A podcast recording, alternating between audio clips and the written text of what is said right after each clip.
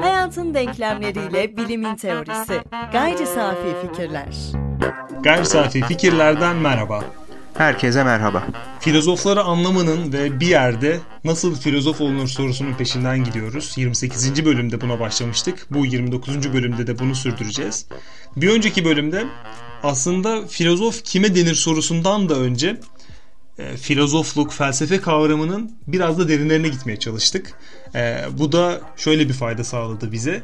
Bir filozofun nasıl filozof olduğunu anlarken biraz da onun e, alet çantasına erişmeye çalıştık. Karl Popper'ın filozofun aslında çözümlere ilerlediğini yani herhangi bir çözüm üretmeden filozof olunmayacağını ve biri filozof nedir derse ona vereceği yanıtlardan birinin dünyaya dair çözümleri e, kapsadığını söylediğini düşünebilirim. Dünyanın en uzun tamlamasıyla. Fakat e, kullanılabilir sözleri, kullanılabilir o spot sözleri Karl Popper ve biz genel olarak dışarıda bırakıyoruz. E, ama bu sözler aslında yani felsefi bir söz. Karl Marx'ın söylediği önemli bir söz. Aslında Karl Marx'ın bütün yapıtlarının önüne geçmesi bu bana çok garip gelmiyor. Çünkü o o söz aslında kişi onu kullanabildiği ölçüde kıymetli. Yani oturup e, binlerce sayfa Karl Marx okumaktansa bir sözle ben Karl Marx'a hakimim diyebildiği için o aslında felsefi ondan ibaret olarak düşünüyor. Ve bana da bu çok garip gelmiyor. E, bu son 50 yılın ya da 30 yılın insan ilişkileri arasındaki işleyişinden dolayı herhalde aforizmalar özellikle sosyal medyada ortaya çıktıktan sonra çok önem arz ediyor. Bir de felsefe sorunların çözümünde çok önemli bir kaynak ama ben burada şuna benzetiyorum felsefeyi. Bir makine var, bir otomobil var bizi bir yerden bir yere götürüyor. Biz diyoruz ki bu otomobil çok iyiymiş. Ama biz hiçbir zaman bu otomobilin vidaları gerçekten bu otomobili çok iyi ayakta tutuyor. Ve e, lastiklerindeki o küçük parçalar, o bijonlar gerçekten bizi mükemmel yerlere götürüyor demiyoruz. Yani felsefe ve felsefi bilgiler bize büyük bir makineyi oluşturmak için küçük ve faydalı parçalar sağlasa da biz onun öneminden ziyade onu farazi şeyler üzerine yoğunlaşmış e, bir yapı olarak görüp daha büyük bilimi övmeye yöneliyoruz. Felsefeyi biraz da bilimin aşağısında hatta 3-4 kat aşağısında görmeye eğilimliyiz. Karl Popper'ın eleştirisi ve bu dönemde, bu yıllarda çok karşılık bulamıyor gibi geldi bana. Tabii bilimle felsefenin ilişkisine baktığımız zaman bunun da bir tarihi var. Biraz ön, bir önceki programımızda üzerinde durmuştuk. Thales veya en azından o gelenek yani doğa felsefesi geleneği hem bugünkü anlamıyla bilimin e, doğa biliminin özellikle aynı zamanda da halen sürmekte olan felsefenin kökensel bir aradalığının o momenti veya da coğrafi konumu e, Ege Havzası dediğimiz bugünkü millet. Bu tesadüfi değil. Bu ilişki bir arada gitti. Yani böyle bilimin ayrı bir tarihi var o dönem için. Bambaşka yerlere uzanıyor. Felsefenin ayrı değil. Tabii ki buradan açılan kanatlar, yollar var. Bunlar zaman zaman birbirine uzaklaşsa da çakışan ve zaman zaman paralelleşen böyle bir sarmal gibi düşünelim bu ikisinin ilişkisini. Ama iş özellikle Isaac Newton'un o devasa eseri Principia'yı yani esasen kütle çekim teorisinin e, açıklandığı, yayınlandığı yıl olan 1687'ye ve sonrasına geldiğinde özellikle 1830'lu yıllardan sonra doğa felsefesinin adı science yani bilim olduktan sonra iş biraz değişti bu ilişkide. Artık bilme etkinliğinin veya bilme bilmeyle sonuçlanan araştırmanın bilimsel araştırma olduğu adıyla felsefenin bunun karşısında veya yanında farklı bir konum alması gerektiği kabulü açığa çıktı. Ama Burada tabii hemen şunu alt çizmek gerekiyor. Bilgiyle ilişki bakımından zaten felsefenin adına gömülü bir şey bu. Bilgelik sevgisi, filozofiya. Dolayısıyla başından beri kökensel bir soru olarak bilgi nedir, bilebilir miyiz? Bildiğimiz nedir? Bilginin olanağı nedir? Bilginin kaynağı nedir? Ve nihayetinde doğru bilginin ölçütü nedir, ölçütü nedir gibi kökensel sorular soran felsefe başarıya ulaşmış bir girişimin ki bu girişimde kendi payı da var. Tabii ki en başından beri bu pay izlenebilir izleri veya da zincirin halkaları ama yakın geçmişine dönecek olursak bu devrimin yani modern bilimsel devrimin Francis Bacon ve Descartes'i buradan çıkaramazsınız. Epistemolojik e, altyapının kurulmasına dönük düşünme etkinliğini ve bu eserleri, bunun çözüm önerilerini ve çözümlerini dahi bu e, büyük resimden çıkarmak mümkün değil. Dolayısıyla modern bilimsel devrime giden yolda epistemolojinin yani felsefenin özellikle bilgi ayağının önemli bir etkisi var. Bu iş bilimsel olarak olgunluğa ulaşıp çözüldükten sonra felsefe yine ortadan kalkmış değil. 19. ve 20. yüzyılın epistemolojisinin temel tartışması da bu. Artık başarılmış bir örnek var önümüzde. Gerçekliği, doğayı bilmek üzere ama dikkat edelim henüz sosyal bilimler yok. Yani oradaki felsefi ve teorik tartışma halen canlı ve güncel. Ama doğa bilimleri eğer bunu çözdüyse bu çözümün hangi koşullarda gerçekleştiği, bu çözüme içkin olan yani çözüme yol açan e, epistemolojik çerçevenin arkitektoniği yani mimari şeması nedir gibi sorular, bunu modelleme girişimi, gerek çözümleme etkinliğiyle gerek daha sonra bizim pek çok programımızda e, üzerinde durduğumuz gibi Karl Popper, Thomas Kuhn ve diğer bilim filozoflarının veya bilim teorisyenlerinin katkıları ve araştırmalarıyla felsefe yine problemini buldu veya tespit etti ve bu problem yine bilime özseldi ve onun kökensel sorularına ilişkindi. Yani bilimin çok dışına düşmüyor. En azından bu tarz bir felsefe veya epistemoloji yeni ismiyle bilim teorisi. O yüzden ben felsefeyi geçen programımızda teoriya ile kavramaya veya da bunun üzerinden tartışmaya açmaya çalıştım. Teoriyanın olanaklı olduğu her yerde yani teorinin, kuramın, kuramsal bakışın, kuramsal sorgulamanın felsefe zaten olacaktır. E böyle bir ortamda Bilimle felsefe arası bir hiyerarşi kurmaya da gerek yok bu sınırlar dahilinde. Ama buradaki tehlike yine imaj boyutunda veya en azından görünüşler dünyasında. Çünkü felsefeyi sadece aşağı görmek bir problem durumu değil. Öyle değil gerçi ama çok büyük bir zararı olur mu? Sanmıyorum. Eğer bu bir politika haline dönüşmezse tabii ki bir eğitim politikası veya genel bir politika haline dönüşmezse. Hani herhangi bir insanın bilim önce gelir ve felsefe daha aşağıdadır demesi bilim önce gelir dediği sürece çok önemli değil. Yeter ki bilimsellikten şaşmasın. Ama bir kısım bilime karşı cephe açanlar felsefeyi biraz bir önceki programda söylediğim gibi her şey gibi gösterip ama o felsefenin içeriğini de çok mistik, çok bilinemezci, çok başka ve aşkın şeylere bağlayıp işte felsefe budur, hakikat budur, bu bilimi de aşar deyip daha tehlikeli bir konum açabiliyorlar. Yani genel olarak biz felsefecilerin veya filozofların Canımızı sıkan tepki elbette ki felsefeyi küçük görme tepkisidir. Yani bir tür duygusal tepki vermek üzerinden ilk elden tepkimiz. Ama esas tehlike felsefenin anlamını çok farklı yerlere taşıyıp kendi düşündükleri gibi düşünmeyi derin düşünme gibi hakikatle buluşma gibi aksettirip veya tanıtıp bir de bunu satanların felsefeye verdiği zarardadır bu tehlike ve o diğerinden çok daha fazladır. Felsefenin bundan bir zarar göreceği falan yok. Yani e, ülke bağlamında elbette ki bunun zararını çok çekebiliriz. Teorik, eleştirel veya felsefi ve tabii bilimsel düşünmeyi kaybettikçe ilk kaybeden yakın çevre olacaktır. Ama insanlık henüz bunu kaybedecek noktada değil. Felsefe yaşıyor elbette. Problemleri dönüşüyor. Belki hatalardan biri de bu.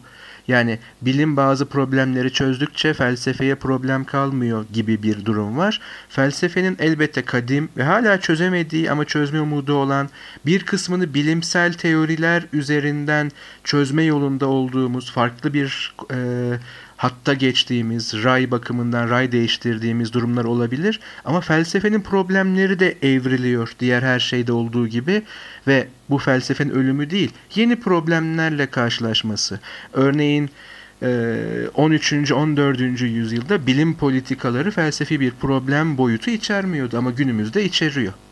Yani yeni karşılaştığımız fenomenler de felsefeye üzerine düşünebileceği bir gerçeklik ve nesne sunmakta. Yani bunun teorisini aradığımız zaman elbette ki felsefeye uğramadan veya onunla bir şekilde hasbihal etmeden bu işi çözemeyeceğiz. Mesela o aforizmalardan bir yere daha bağlayalım. Aforizmaların işlevsel olmasının sebebi şu, ee, şu an kaç sözcük tam hatır veya kaç karakter hatırlamıyorum ama yaklaşık 149 karakterle kendimizi ifade etmeye çalıştığımız sosyal mecralarda, sosyal medya mecralarında aforizmalar her anlamda çok ekmek yedirir. Bu yüzden bunları derin düşünmenin göstergeleri gibi e, kullanmak başka bir boyutta elbette işlevseldir. Orada birilerine ulaşmak veya kendini tanıtmak, takipçi kazanmak vesaire. En e, ilkelinden en geniş işlevsellik tanımına göre. Ama sorun şurada. Peki böyle bir dünya, böyle bir tekno bilim veya da hız dünyasında, markalar dünyasında 149 karakterlik olumlu ve olumsuz kullanımlarıyla bu mecraların dünyasında nasıl bir yaşam sürmek gerekir, nasıl bir yaşam sürüyoruz, gerçekliğin kendisi ne, buna müdahale edilebilir mi, değiştirilebilir mi? Bir kez daha Sokrates'in o sözünü hatırlayalım. Sorgulanmamış yaşam yaşanmaya değmez. Demek ki yaşamın olduğu her yerde problemler var. Çünkü sorgulamanın konusu da bu. Hangisi çözümlüdür, nasıl çözeceğiz, hangileri çözümsüzdür ve neden çözümsüzdür sorusu felsefi problemin veya felsefi sorunun ta kendisidir. Felsefenin yerini bilimin bir noktada aşağısından tutup e, aslında bilimi yüceltiyor olmak çok da bir problem değil dedin. Ama sonrasında da ekledin felsefe ciddi olarak planlı bir biçimde ya da felsefe öğrenimi geride bırakılmıyorsa bunu aslında anlamak için şu an bizi dinleyen herkese lisede ve ilk öğretim hayatları boyunca felsefe derslerine ciddi anlamda kaç felsefe öğretmeni girmiş ve e, bu derslerin hangisi boş ders değil manasında yaklaşılmış onu sormak gerekiyor. Felsefe dersleri genelde boş dersin bir tık üstüdür. Hatta felsefenin bir tık üstünde beden eğitimi vardır. Yani beden eğitimiyle boş ders arasında salınıp duran bir derstir. Çoğu zaman da boş geçer. Bazı zamanlarda benim zamanımda farklı bir dersin öğretmeni gelir ve kendi dersini anlatırdı. E, o yüzden felsefe öğretimi öğrenimi konusunda da elimizde çok bir şey yok. E, Descartes'i Descartes olarak okumak kadar basitleştirmiyorum bu olayı ama bir manada işte çok basit aforizmalarla başlıyor zaten e, felsefe eğitimi. Aforizmalarla başlayan eğitimde 140 karakterde e, satılabilecek yerlere evrilebiliyor. Ama ben başlıktaki beklentileri artık yerine getirmeyi tavsiye ediyorum. Çünkü e, biz de halka inmesi gereken o kitlelerden biri olmaya başlıyoruz. Halka inmemiz gerekiyor ve bir e, başlıkta sorduğumuz soruyu bir manada açıklamamız gerekiyor. En azından e, benim aklımda çok önemli bir soru var. Öğretmenlerden bahsettiğimiz için bu halka inme e, analojisini kurdum. Felsefe öğretmenini düşünüyorum. E, çok verim alamadığımız, e, randımansız geçen felsefe derslerinin öğretmenini. Felsefeye dair 4 yıl okumuş ve sonrasında da belki bir eğitim almış e, öğrencilerine dersi anlatmak için her gün etüt ediyor felsefeyi belki de. Kendi düşünsel ağlarını kuruyor. E, Karl Popper şu konuda yanlış düşünmüştür. Aslında eleştirel düşünce şu noktalarda sekteye uğramıştır diyor. Ortaya bir fikir atıyor. Ama o neden filozof değil? Yani yeni bir bilgiyi resmi olarak üretemediği ya da sunamadığı için mi? Sadece sunduğu için mi bu bilgileri? Hani burada tüm bilgiler zaten doğada ve zihinde vardır. Biz sadece ortaya çıkarırız görüşünü arkamıza alırsak kimse yeni bir şey söylememiştir ama bir felsefe öğretmenini hatta e, akademik seviyeye çıkaralım. Bir felsefe akademisyenini filozof olmaktan alıkoyan şey nedir? Ee, aslında geçen programda bunun gizil cevabını çok açık bir biçimde vermiştik. Popper ne demişti? Başta felsefe öğrencilerine olmak üzere tüm sosyal bilimcilere ama senin anlatımınla aslında tüm öğrencilere öğretilen yaklaşım ve tabii öğretenin bunda ne kadar kusuru var ayrı bir tartışma konusu olabilir. Çünkü belli bir müfredatı izlemek zorunda ve belli bir denetim altında her zaman için. Ama ortaya çıkan şey şu. Bu filozof ne söylüyor veya söylemeye çalışıyor. Bunun bir envanterini oluşturmak, hatta aktarmak, sonra aktardığı bu envanteri bir şekilde ölçme değerlendirme sistemi içerisinde eğer klasik bir sınavsa Descartes'in ünlü sözünü açıklayınız e, düşünüyorum o halde varım gibi bir soru sormak ya da işin daha nesnel ama kolay tarafına kaçıp aşağıdakilerden hangisi düşünüyorum o halde varım sözünü söyleyen filozoftur. A. Descartes, B. Francis Bacon, C. Spinoza gibi şıklar oluşturup dönemi kapatmak e, gibi bitmekte. İşin akademik boyutuna geldiğimizde tabii ki durum böyle değil veya olmadığını ummak istiyorum. Her yer için konuştuğumda kendi tecrübemi aşacak şekilde. Ama aktarımcılıkla kalındığı sürece belli filozofların e, sözleri, eserleri ve hatta yaklaşımları bu filozof ne söylüyor veya söylemeye çalışıyor modunu aşmayacak bir aktarıldığı sürece ne o aktarımı yapan ne o aktarıma konu olan geleceğin felsefecileri veya felsefeci adayları filozof payesini elbette alamayacaktır. Filozof payesini burada illa vermek gerekiyorsa geçen programda söylemiştim aslında felsefeci filozof arasında terimsel bir fark biraz daha görünüşler dünyasında diye. Ama böyle bir ayrımı yaptığımızda gerçek felsefeci veya da eğer buna tekabül ediyorsa filozof sözünün böyle bir aktarımı aşıp o problem her neyse Karl Popper'ın dediği gibi yani Descartes düşünüyorum o halde varım mottosunda, ilkesinde nihayete varan ama onun bir ard alan soruşturması ve ciddi bir bilgi birikimi veya kavrayış birikimi üzerindeki bir sözdür bu. Problem neydi? Orada ontolojik olarak özne inşa edilmekteydi. Bu modern felsefenin en büyük adımlarından biriydi.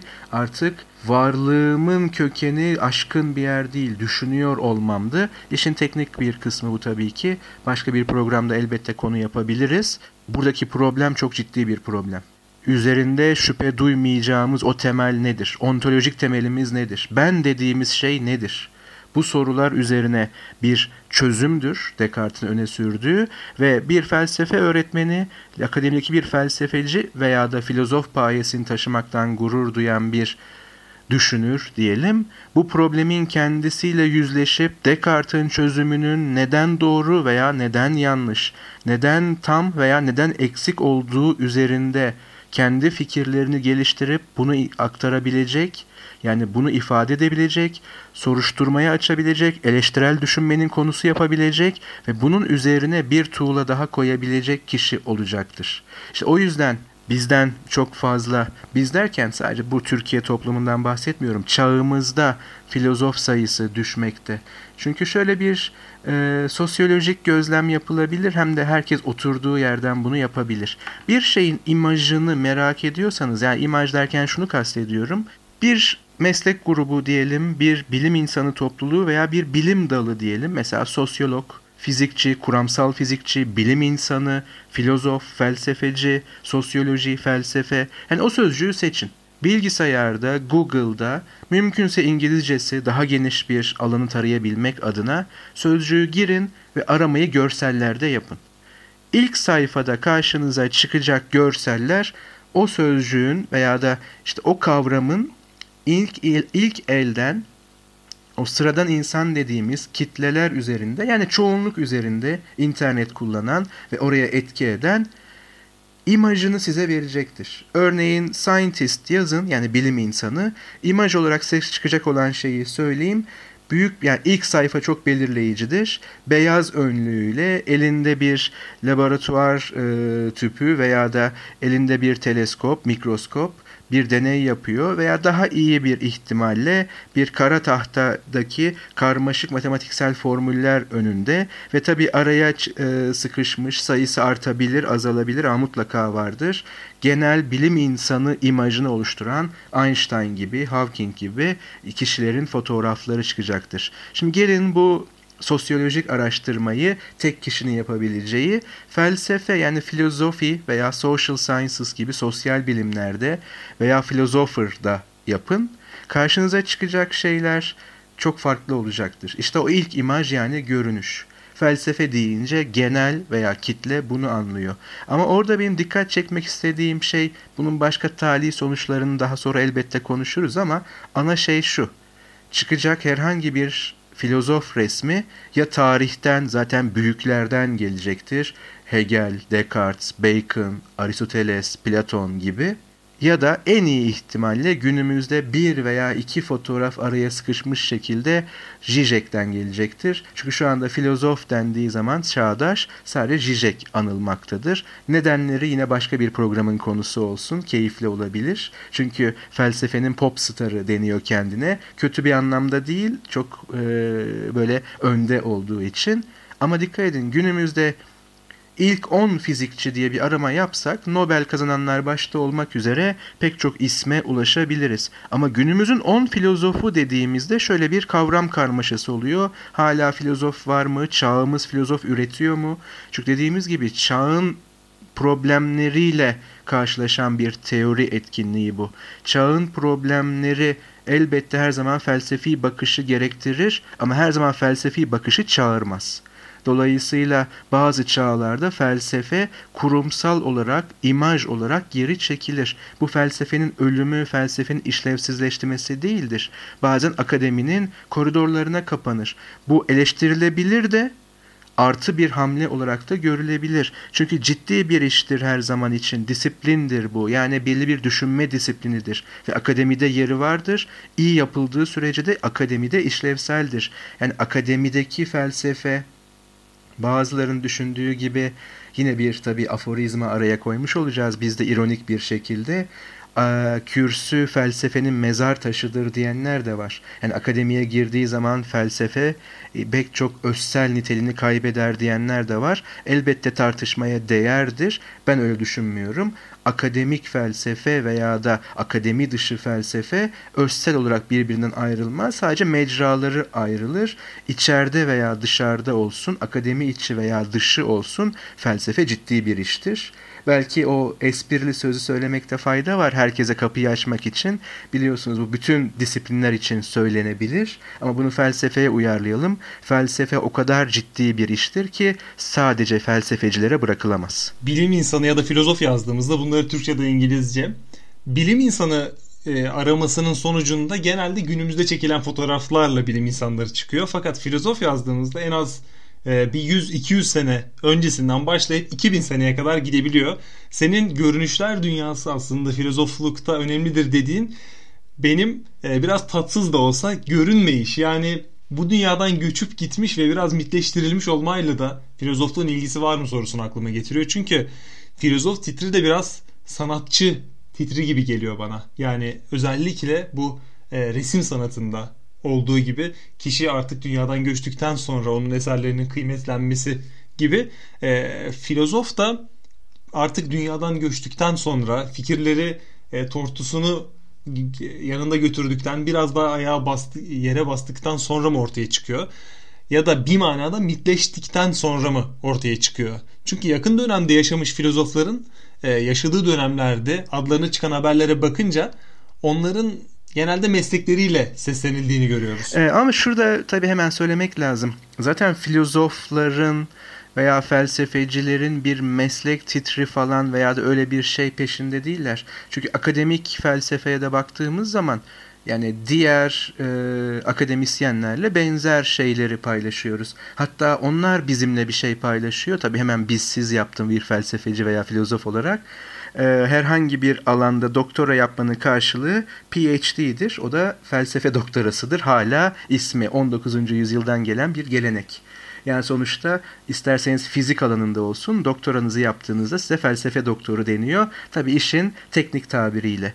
Ama hepsiyle paylaştığımız şey şudur. Akademik payeler veya doktora sahibi olmak. Yani filozof veya diğerleri gibi bir ayrım o konuda yok. Ama şunu söyleyebiliriz e, işin yine kökenine dönerek çünkü felsefenin işi biraz da oralardan başlıyor veya oraya yöneliyor. E, sofistler de elbette birer filozoftur e, düşünce tarihi içerisinde ama etimolojik olarak baktığımızda sofist bilge demektir.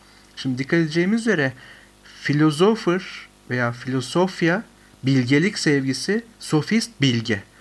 Filozofun asla bir bilgelik iddiası aslında kendinde yok. Yaptığı iş gereği veya düşünme biçimi gereği. O bilmek istiyor. Yani amiyen tabirle amaç üzüm yemek, bağcı dövmek veya bağcının bize ne dediği değil. Dolayısıyla şöyle bir küçük deney yapabiliriz. Felsefe mesela var mı ve şu anda işe yarıyor mu? İşe yaramalı mı? Yoksa felsefe öldü mü?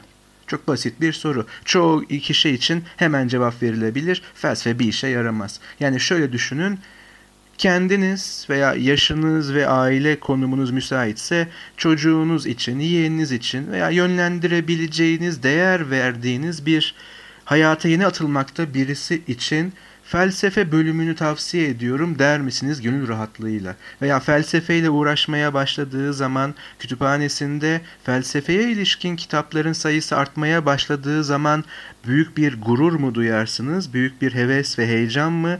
İki kitapta ben alayım der misiniz? Yoksa eyvah eyvah ne oluyor mu dersiniz. Bunun tabi birkaç sebebi olabilir. En basitinden bu çok sorgulamaya başladı ki bunu demek zaten bir toplum için intihardır. Herkes daha çok sorgulasın keşke. Eğer felsefe zaten bu işe yarar, ne işe yarar dediğimiz sorulardan biri ve hiçbir zarar gelmez. Eğer sorgulanan şey yeterince gerçekse emin olun her tür sorgulamaya dayanacaktır. Dayanmak zaten sorgulama yıkmaya yönelik değildir. Daha iyi kavramaya, gerçekliği kavramaya yöneliktir. Orada bir problem yok. Ama ikincisi tabii ki daha pratik kaygılardır. Bu dünyada felsefenin bir karşılığı yok. Dolayısıyla evet çok güzel bir şey. Ee, o anlamda gurur duyabilirim ama o esprili söz gelir. Sen hobi olarak yine oku ama bir mesleğin olsun. Çünkü felsefe meslek değildir bu anlamda. Tamam buraya kadar bir durum tespiti yaptık ve bunun temel sorusu şu böyle düşünen biriyle. O zaman felsefe öldü mü? Bir karşılığı yok mu? Bu soruya cevap verebilmek için muhatabımızın şunu söylemesi gerekiyor. Felsefe nedir? Yani bir şey öldü. Ben çocuğum, kendim, sevdiğim birinin onunla uğraşmasını istemiyorum çünkü toplumda gerçeği yok. O şey nedir? Çok basit bir soru, bir tanım sorusu ama sözlükte bulabileceğiniz tarzda bir tanım sorusu değil. Yani ben size felsefe nedir diye sorduğumda ya da bilim nedir diye sorduğumda veya herhangi bir kavram nedir diye sorduğumda mesela Sokrates'in sorduğu gibi soralım. Adalet nedir? Türk Dil Kurumu'nun veya herhangi bir e, kurumun sözlüğünü açıp A sözcüğünün adalet iki nokta üst üste, F harfinde felsefe iki nokta üst üste, B harfinde bilim iki nokta üst üste yi okumak bu problemi çözmeyecek.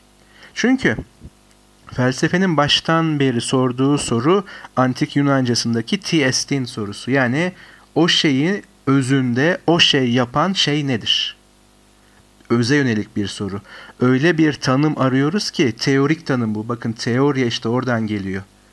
Felsefe ile felsefe olmayanı net bir şekilde ayırsın, felsefenin ne olduğunu kavrayabileyim, herhangi bir yerde felsefe iddiasında olan bir şey felsefe mi değil mi anlayabileyim. Bu bir tür turnusol kağıdının kavramsal karşılığı olan kavramsal bir e, ayraç arayışıdır bu tanım tarzı. Şimdi sorumuz neydi? Bu çağda felsefenin bir karşılığı yok. Bu yüzden onunla uğraşmak beyhudedir. Çünkü hani met, e, o aforizmatik şekliyle felsefe öldü. Tamam ölen şeyi bana tanımla. Şimdi bundan sonrası uzun bir yol. Aynı Sokrates'in dediği gibi ama çözümü olan bir yol. Yani şunu hemen söyleyeyim. Elbette felsefe içerisinde bu da tartışıldı. Felsefe sürekli yolda olmak mıdır? Hayır. Çözümlere ulaşır ama yol devam eder. Çünkü yeni problemleri aydınlatırız her bir çözümle. Karl Popper'ın dediği gibi. Ama çıktığımız yola bakın. Felsefe olanaklı mıdır sorusuyla veya felsefe öldü peki felsefe nedir sorusuyla yola çıktığımız yol felsefenin ta kendisi. Öyle bir düşünme disiplini düşünün ki kendi olanağını soruşturmaya açtığında bile kendisi iş başında. Mesela hiçbir fizikçi fizik öldü demez kolay kolay. Ve öldü mü sorusunu sorduğunda fizik yapmıyordur. Felsefe yapıyordur veya felsefi düşünmeye girmiştir. Dolayısıyla kendi olanaksızlığını veya felsefenin dışarıdan bakıp olanaksızlığını, değersizliğini, işlevsizliğini tartışmaya, düşünmeye başladığınız anda zaten felsefeyle iştigal ediyor olursunuz. Ama tabii bu kadarı sizi filozof yapmaz ama iyi bir başlangıç olacaktır. Felsefe öldü mü dedin ve e, filozof sayısının azalmasından bahsettin bu bizim çağımızda. Burada bir pratik kaygı olduğu da zaten ortada eğitimsel olarak daha doğrusu eğitim bazında. Bu biraz da felsefe yapılacak alanları daha doğrusu zihnimizi bir diske benzettiğimizde o diskteki boş alanları yani felsefeye yarayabileceğimiz herhangi bir alanı doldurmaya çok meyilliyiz. Yani bomboş hiçbir şeyle uğraşmadan sadece düşünerek harcanan zaman günde maksimum bir dakikaya yakındır. O da e, bir işten diğerine geçerken acaba ne yapsam diye geçirdiğimiz süre. Düşünmek sanıyorum ki şu bizim çağımızda hiçbir şey yapmıyormuş gibi hissettiriyor insanlara. Yani genel kanıda belki bu olabilir. Felsefe yapma sözünün temelini de bu bize gösterebiliyor. Çünkü hiçbir şey yapmayı düşündüğümüzde sanki bir şeyleri kaçırıyormuş gibi hissedebiliyoruz. Burada da e, düşünmenin bir niteliği olmalı. Çünkü sürekli neden, neden sorusunu sormak bir kişiyi filozof yapmaz pratikte. Yani bir sorular sormak e, ve bu sorular üzerine bir şeyler ortaya koymaktan bahsettik ama ne için bu soruyu sorduğu da önemli kişinin. E, burada bu soruları kimin seçtiğini de düşünmemiz gerekiyor. Ama basit bir formülasyon düşündüm ben. Kuralları belli değil. Çünkü e, bizim düşünmeye yaradığımız zaman azaldıkça filozofların ortaya çıkışı azalacaksa belki de modern insanın çok sevdiği maddelerle bir şeyler anlatmak, 140 karakterde anlatabilmek belki bu konuda da mümkündür dedim ve konuştuklarımız üzerine birinci maddeye 3-4 maddelik bir şey düşündüm kafamda. Olabilecek 3-4 madde olabileceğini düşündüm. Birinci maddeye aslında sorgulamayı koyuyorum. Hepsinin başında bir sorgulama olmalı. Bu konuda herhalde sen de hak verirsin. Ama sorgulamak yaygın kanalları deşmek gibi değil bana kalırsa. Burada bizim ele aldığımız. Yani herkes için mümkün olan bir sorgulama değil bu. Gördüğümüz ve önem atfetmediğimiz şeyleri bile daha detaylı irdeleyebilmek. Hatta sanıyorum ki filozofun önemli kılan şeyler bizim önemsiz olarak düşündüğümüz çoğu şeyleri e, kıymet verip bir yere kadar ilerletmesi ve aslında aa bu önemliymiş dediğimiz şeyler ortaya çıkarabilmesi. Ee, örneğin bir insana baktığımızda onun davranışlarını değiştirmesini biz heyecanlanmak olarak algılayabiliriz ama psikoloji bizim bu basit olarak gördüğümüz şeyi ciddi olarak irdelemiş ve buna o an kişinin toplum tarafından garipsendiğini düşünerek içsel tedirginlik yaşaması olarak tanımlayabilir. Yani biz bir şeyleri basit olarak görebiliriz ama onun üzerine derince düşünüldüğünde ya da üzerine vakit ayrıldığında çok farklı şeyler çıkabilir. Belki filozofluğun el kitabının ilk maddesine sorgulamaya koyabiliriz. Ne dersin? Evet ama tabii burada sorgulama derken ne tarz bir sorgulama? Yani e, şımarıkça diyebileceğim tırnak içinde karşılaştığım her şeyi reddetme ve öyle olmadığın, öyle olduğunu asla kabul etmeyeceğim deyip kendimizi kapatma biçiminde değil. Bunun bir amacı ve yönü var. Biz buna işte eleştirel düşünme diyoruz. Yani sadece hayır demek yetmez çünkü sorgulama aslında hayırla yani bir karşını almakla başlar. Ama hadi gel beraber bu doğru mu değil mi? Doğru mu kavradık? Daha iyi kavrayabilir miyiz? Bu kavrayışımızın bir göndergesi var mı gerçeklikte yoksa boşa mı düşüyor? Sadece bir kurgu mu gibi alt sorularla bezenmiş bir sorgulama tabii ki ilk madde. Yani buna şöyle diyelim soru sormak ama gerçeği öğrenmek üzere, gerçeği kavramak üzere amacın bu olduğunu asla unutmadan amaçsız böyle boşluğa sorular göndermek de değil, cevabını arama pahasına sorular sormak birinci madde diyelim ve bu da sorgulamak olsun. Aslında soruları sormak için de bir şeyleri bilmek gerekiyor. Yani havaya soru sormaktan bahsettin. E, acaba bu kalorifer neden beyaz? Bu bir soru olarak görünebilir ama e, tam anlamıyla bir soru değil. Belki onun mekanizmasını sorabilirsiniz ama o da tekniğe girer. Literatüre hakimiyet olarak anlatıyorum. Gereksiz kalorifer analojisinden çıkarak bir literatür bilgisi olması gerekiyor. Yani e, çerçevesini belli bir düşüncenin çerçevesini bildiğimizde o çerçevenin içine giren şeyleri ve onun dışına taşabilecek şeyleri de bilerek aslında sorularımızı yöneltebiliriz. İkinci madde olarak yani eleştirebilmek ve eleştirel düşünceyi çalıştırabilmekten sonra onunla eş anda çalışan bir literatür hakimiyeti yani diğer düşüncelerin takibi aslında bu. Aynı bizimle beraber düşünen birçok zihin var ve olmuştu. O zihinler neler düşünmüş, neler söylemiş bunu da anlayabilmek gerekir gibi geliyor. Kendi düşüncelerimizi ortaya sunmadan önce. Evet çünkü e, daha önce de işte üzerine durduğumuz gibi felsefe ve düşünce tarihi, problemler ve çözüm önerileri tarihi ise e, şu anda ve şimdi karşılaştığımız bir problemle elbette şu an ve şimdi baş etmeye, onu kavramaya hatta çözmeye çalışıyoruz. Ama karşımıza aldığımız yani nesne edindiğimiz, konu edindiğimiz o problemin bir tarihi var ya başka problemlerin evrilmesi olarak ya da kadim bir şekilde insanlıkla yaşıt onunla yüzleştiği yüzde, insanlığın onunla yüzleştiği bir problem olarak var oldu. E, bu tarihi bilmeden sanki bugün her şey dünyaya gelmiş gibi davranmak sorgulayıcı düşünceyi sakatlayacak veya eksik bırakacak bir şeydir. O yüzden senin literatür hakimiyet dediğin şeyi ben şöyle konumlayayım. Geçmişini bilmek.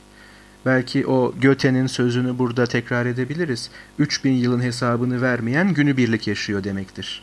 Tabii ki her problemde bu kadar gerilere gitmiyoruz ama bu işin amiyen tabirle okumadan olmaz. Yani literatürü o problemin tarihini en azından şöyle bir kavrayabilmek gerek. Derinleşme isteğimiz veya böyle bir arzumuz varsa. O zaman sorgulamak artı geçmişini bilmek yani hem burada ve şimdi nesne edindiğim problemi Popper'ın dediği gibi aydınlatmaya çalışmak, onu çözme girişiminde bulunmak ama çözme girişiminin ve aydınlatmanın olmazsa olmazı onun tarihinin farkında olmak, çözüm denemelerinin ve hatta çözümlerin farkında olmak, diğer çözüm denemeleriyle karşılaşabilmek. Çünkü hepimizin ilk karşılaştığı veya ilk elden verdiği tepki şudur her parlak fikri ilk önce bizim aklımıza geldi sanıyoruz. Oysa bu fikir çoğu zaman çoktan dillendirilmiş, tartışma ortamına sokulmuş, pek çok revizyon geçirmiş, doğrulanmış, yanlışlanmış, genişletilmiş, daraltılmış.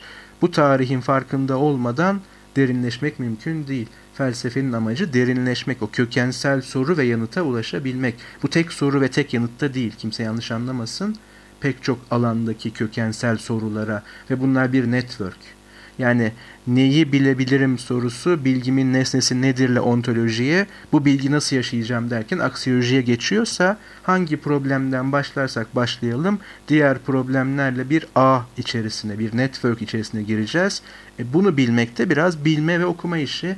Bunsuz sorgulama kör olacaktır elbette. Sorgulamanın şöyle bir sıkıntılı yanı var. Aslında bu bir sıkıntı değil ama ortaya çıkabilecek bir problem bu.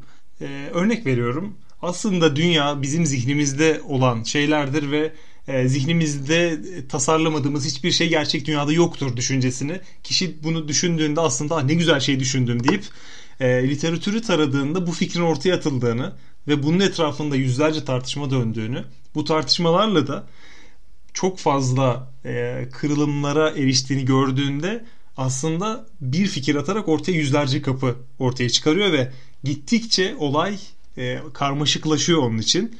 E, bu da biraz felsefenin yolda olmaktır felsefesine ha, ilginç bir söz oldu. Felsefenin yolda olmaktır sözüne benziyor. Yani bir yola çıkıyorsunuz ama duraklar var. O duraklarda sürekli birileri iniyor, birileri biniyor.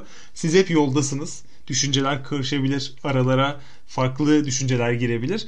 Biraz da e, literatüre hakimiyet bu tip bir problemi doğuruyor. Bu problem denebilirse tabii. E, yolda olmak tabii şöyle kabul edilebilir. Belki temel problem çağımızda yani bu tabii bir problemse çağın gerçeği ise e, bunu nasıl konumladığımıza bağlı olarak değişecektir. İşte o yaşamın hızı. Çünkü felsefe ne işe yarar e, sorusunun negatif boyutu evet hemen bugün bana ne veriyor? Birkaç saat içerisinde ben ne kazanırım? Hadi birkaç yıl içerisinde ne kazanırım? Yani hep kısa vadeye bağlamak felsefenin yolunun uzun olduğu kesin eğer yol metaforunu kullanacaksak. Ama sürekli yolda olmak yani bir bitimsiz ve sonuçta amaçsız bir sadece yolculuk anlamında değil. Bazı duraklar bazı problemlerin çözümüdür. Orada nihayete erer o yolculuk ama yeni bir yolculuk başka bir problem yeni aydınlatılmış veya o problemle ilişkili diğer bir problemin yolunda devam eder. Ama arkamızda çözülmüş problemler bırakarak veya da alınmış bir yol bırakarak gider. Ve tabii e, bunun bireysel yansımasını da hemen söyleyelim. Sokrates'ten beri felsefe aynı zamanda bir yaşam biçimidir. O yüzden filozofya yani bilgelik sevgisidir. Bilgeliğin kendisi değildir. Yani ömrümüzün sonuna kadar sürecek pratik yani praksisle teoryanın birleştiği Aristoteles'in deyimiyle yaşam bilgeliği olan Phronesis'in e, sağlanmaya çalışıldığı bir yaşam biçimidir. Belki geçen programla bu programı orada da birleştirebiliriz. Filozof kime denir sorusunun tam dolu cevabı yaşam bilgeliğine hem yaşamında, praksisinde hem teoriyada ulaşmış olan kişiye denir. Ama tabii bu paye dışarıdan çok ucuz da verilebilir, çok pahalı da kazanılabilir. Ama filozof olmak isteyenler veya buna öykünenlere oraya çok takılmayın diyorum. Birileri size filozof diyorsa ne hala demiyorsa hiçbir şey kaybetmezsiniz.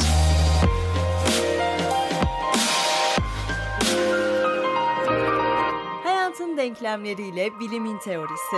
Gayri safi fikirler.